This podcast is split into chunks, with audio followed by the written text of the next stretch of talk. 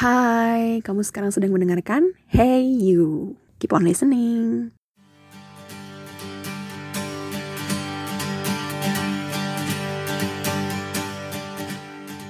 Well, hmm, langsung berdem gitu ya. Jadi hari ini adalah hari pertama dan perdana nih.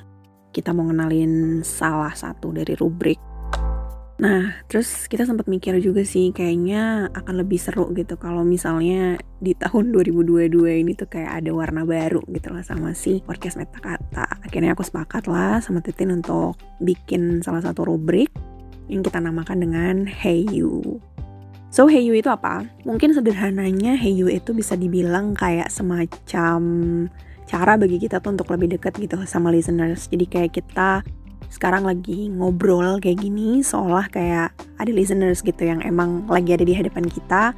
Dan kita berbagi sudut pandang tentang sesuatu yang random gitu. Bener-bener random banget tentang kehidupan yang misalnya selama satu minggu kemarin tuh kita mungkin ketemu sama orang terus misalnya kita sempat papasan sama teman lama misalnya. Terus dari situ kita kayak mikir sesuatu gitu atau value-value yang penting yang kadang-kadang tuh nggak bisa kita sampaikan sama orang lain karena mungkin keterbatasan waktu juga kan gitu sih nggak ada orang yang 24 jam gitu bareng sama kita. Nah jadi biasanya pemikiran-pemikiran random itu kan suka ya udah kita nggak bener-bener bisa bertukar pikiran gitu dengan orang lain. Nah tapi sebenarnya ada kesulitan juga sih kalau buat aku gitu ya pribadi. Karena aku nih orangnya yang emang butuh gitu loh gitu dari pandangan orang lain. Jadi kadang-kala bukan yang nggak bisa ya gitu. Tapi aku tuh lebih cenderung untuk bisa dapat banyak banget sumber terus banyak juga sudut pandang baru gitu ya.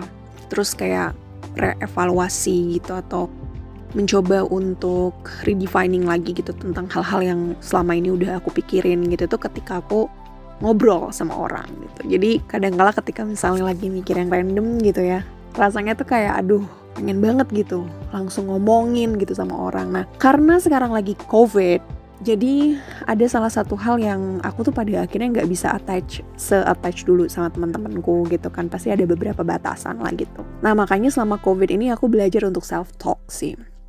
Aku lebih banyak banget untuk komunikasi sama diri gitu kadang-kala kalau misalnya lagi nyetir di jalan terus ya namanya juga kita lagi di jalan gitu ya supaya kita nggak terlalu yang bener-bener kebawa suasana apalagi kalau di jalanan tuh kan emosi lagi tinggi banget ya. Kadang-kala aku suka kayak ngobrol gitu sama diriku sendiri literally ngobrol gitu karena tadi gitu aku kayak butuh untuk ngomongin itu untuk nginformasiin itu ya seolah ada orang lah di depan aku kayak gitu aku udah nulis beberapa poin.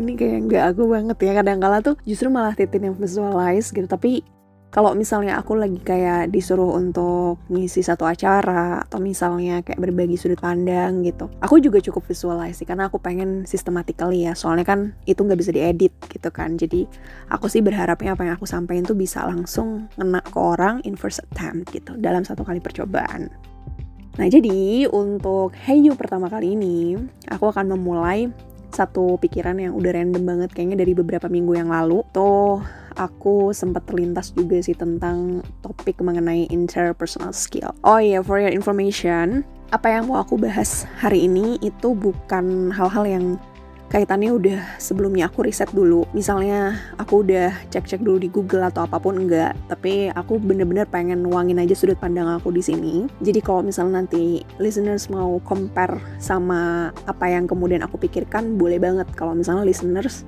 coba untuk emphasizing lagi di berbagai sumber-sumber ya, apakah itu online ataupun offline. Uh, beberapa minggu yang lalu itu aku sempet ngedenger beberapa curhatan gitu ya baik dari adikku dari temenku gitu. Kayaknya dari adik sama temenku sih kebanyakan. Tentang salah satu hal yang menjadi foremost problem ya bagi manusia. Apalagi kalau bukan permasalahan dengan sesama manusia yang lain gitu kan. Kayaknya hidup kita jadi lebih kompleks gak sih? Kalau misalnya kemudian kita harus punya clash sama orang. Sebenarnya itu bukan keharusan gitu, tapi kadangkala konflik itu ya at least once gitu kan in your life itu pasti kalian akan ngerasain gitu. Nggak akan mungkin ada satu manusia pun di muka bumi ini yang nggak pernah punya clash, yang nggak pernah punya konflik sama orang gitu. Pasti ada aja karena nggak semua orang itu suka sama perilaku kita even kita ini udah menjadi orang yang baik gitu ya in a good way tapi belum tentu loh orang itu akan simpati dan juga akan merasa harus berbaik hati juga gitu sama orang ini terus akhirnya beberapa dari mereka tuh cerita tentang masalahnya dan konflik mereka sama orang lain yang mostly itu terjadi karena komunikasi. Ya, seperti biasa, komunikasi.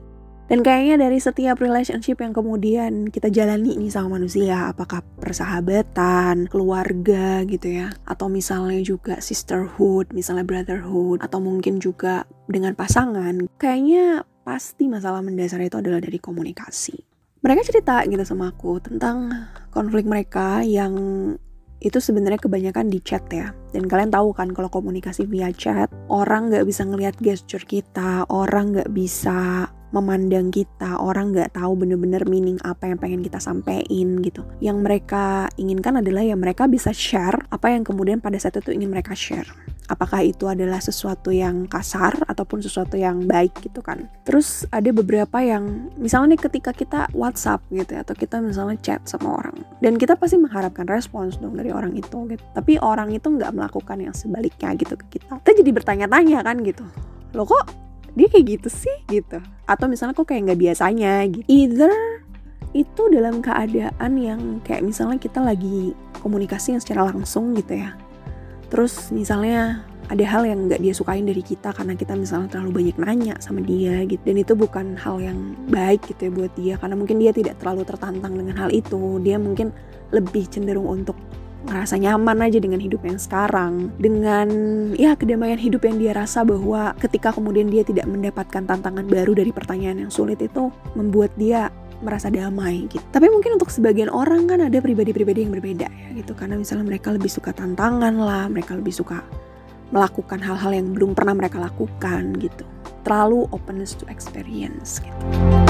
Terus akhirnya aku coba untuk merelasikan antara hubungan si interpersonal skills ini dalam kehidupan nyata, maksudnya secara langsung nih kita ngobrol sama orang dengan kemampuan kita juga dalam berkomunikasi atau kemampuan kita dalam berbahasa aku banyak menemukan orang-orang yang mereka itu cerdas gitu ya.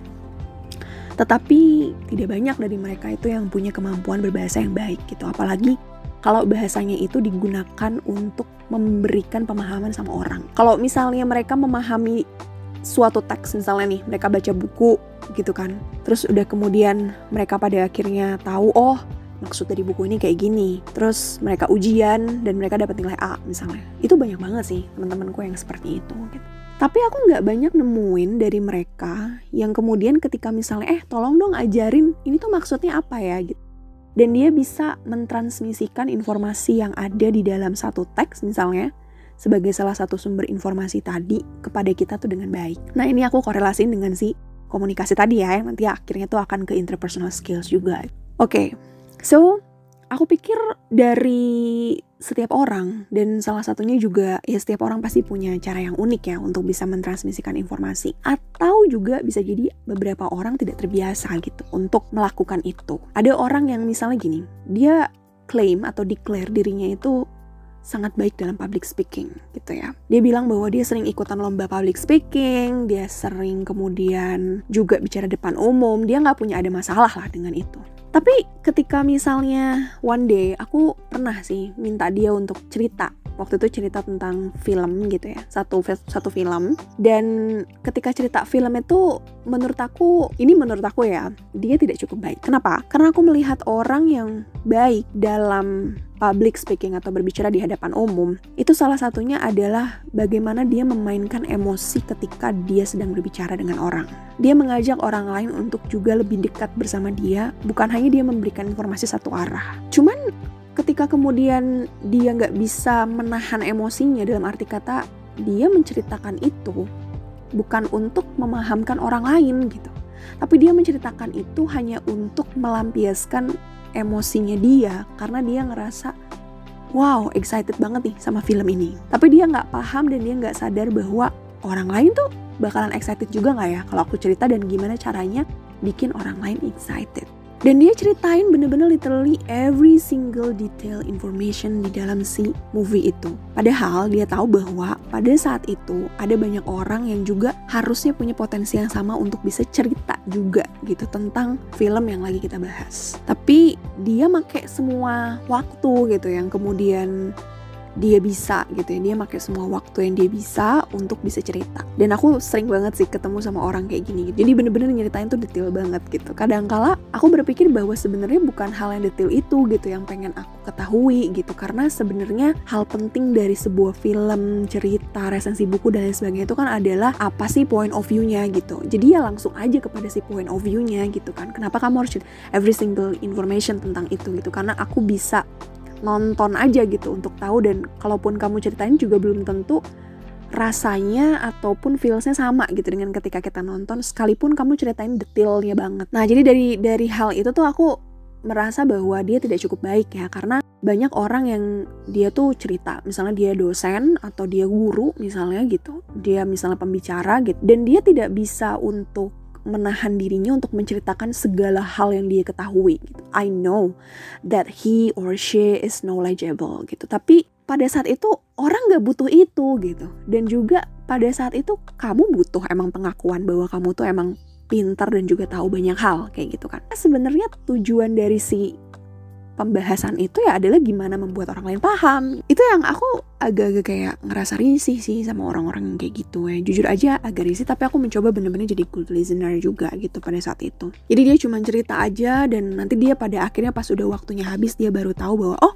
waktunya udah habis ya gitu. Hello, harusnya kamu tuh dari tadi juga manage waktu gitu. Jadi aku menilai orang lain bagus gitu dalam public speaking itu adalah ketika dia juga punya kemampuan untuk management time gitu when they are speaking to others.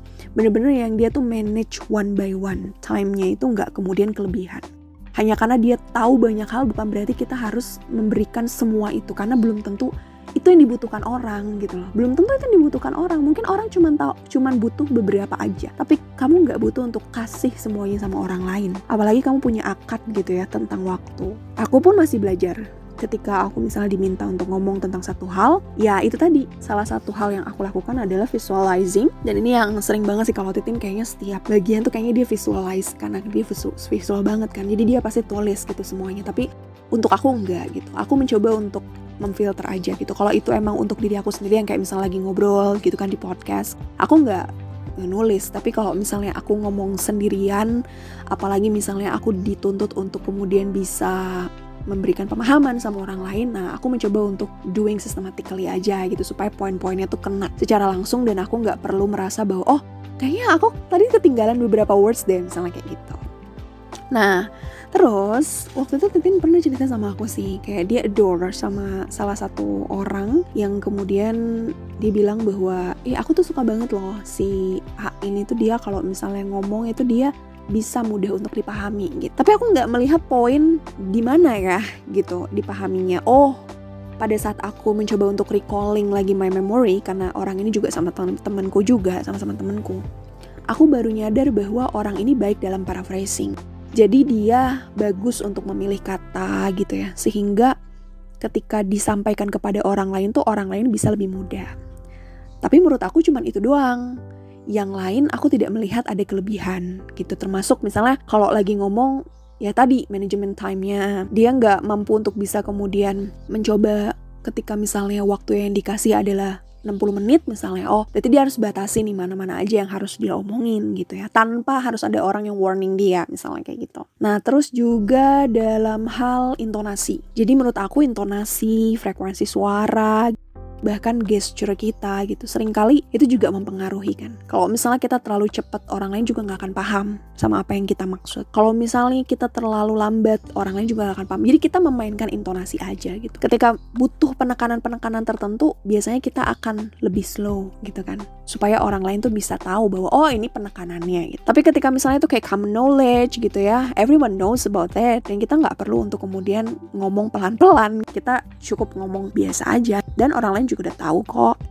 Jadi ketika ngobrol sama orang yang tadi di adore sama Titin ini, aku nggak merasa ada feelsnya. Dan aku melihat orang yang dia jago dalam public speaking itu Salah satunya adalah ketika dia tuh bisa kayak transmisikan si feels itu ke kita. Even dia cuma jadi listener doang, itu ada feelsnya gitu loh. Feelsnya apakah dengan kemudian ekspresinya gitu kan? Karena kan komunikasi itu nggak mesti harus dengan verbal kan. Tapi bisa juga dari non-verbal, dari gesture kita, dari tatapan mata kita. Kalau misalnya dia kemudian lagi ngobrol ya sesuatu yang sedih, masa iya kita ketawa-tawa kan? Enggak ya?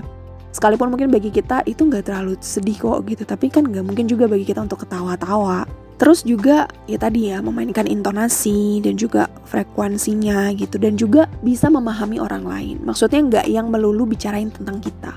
Karena ada orang-orang tertentu yang mereka tuh ya pokoknya aku pengen bicarain tentang aku walaupun dia itu sebenarnya tujuannya adalah untuk exemplifying atau memberikan contoh sama orang tetapi menurut aku sebenarnya itu tidak cukup baik ya. Kadang-kala kita harus belajar dari situ karena seolah bahwa kita ini hanya peduli sama diri kita gitu. Walaupun misalnya pengalaman kita tuh sama gitu ya, tetapi nggak akan bener-bener truly sama kok gitu. Jadi seolah kayak bukan mendengarkan gitu, tapi dia cuman baik aja dalam dalam berbicara. Terus juga orang-orang yang suka cutting saat lagi ngomong. Ini aku sering juga sih ngomong sama Titin ya. Waktu itu aku pernah sih bilang bahwa kayaknya kamu harus belajar ya tentang jangan terlalu sering untuk nge-cutting. Kalau misalnya kamu emang mungkin harus belajar pelan-pelan ya pelan-pelan aja gitu. Tetapi coba deh kamu sadari gitu. Kayaknya dia nggak sadar kalau dia nge-cutting orang gitu. Dan kayaknya dia juga nggak merasa bahwa dia punya tujuan itu gitu lah. Intinya intinya dia tuh nggak melakukan itu dengan sengaja lah gitu ya tetapi memang itu sesuatu yang biasa aja. Ya, tapi kalau kita terbiasa untuk melakukan yang buruk, kita juga pasti terbiasa dong untuk melakukan yang baik. Jadi excuse bukanlah salah satu reason yang tepat.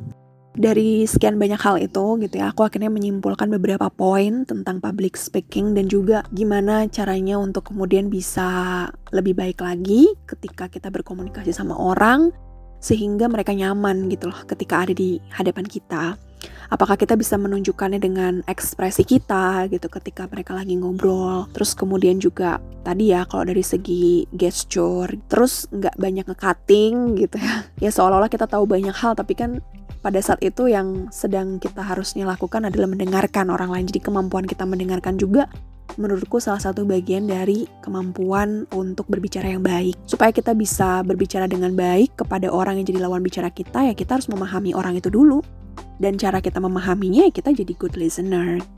Terus juga dari segi paraphrase bahasa ya, karena kadang-kala misalnya ya tadi tuh kayak misalnya nyeritain film gitu, aku nggak butuh diceritain every single detail information gitu, aku cuman butuh beberapa hal aja di dalamnya gitu. Tahu juga aku tahu itu pasti spoiler kok terus kemudian intonasi ya tadi ketika ada penekanan-penekanan tertentu gitu. Dan ini juga masih aku pelajari sebenarnya. Terus gimana kemampuan kita untuk manajemen time dan juga emosi. Artinya ketika kita tahu semua hal nggak berarti juga kemudian kita harus ceritain semuanya gitu. Karena bisa jadi kita pada saat itu nggak dibutuhkan apa yang kita mau ceritain itu dan yang terakhir adalah, jadi beberapa bulan kayaknya yang lalu aku sempat nonton salah satu YouTube channel dan dia di situ ngomong tentang satu topik gitu yang yang dia di situ jadi moderatornya sebenarnya. Cuman aku tertarik sama ada salah satu komen gitu ya dari orang lain. Komennya sebenarnya itu komen yang teratas itu bener-bener top komen lah gitu. Jadi kan kelihatan banget ya. Di situ komennya tuh bilang bahwa oh kak ini gitu ya kak A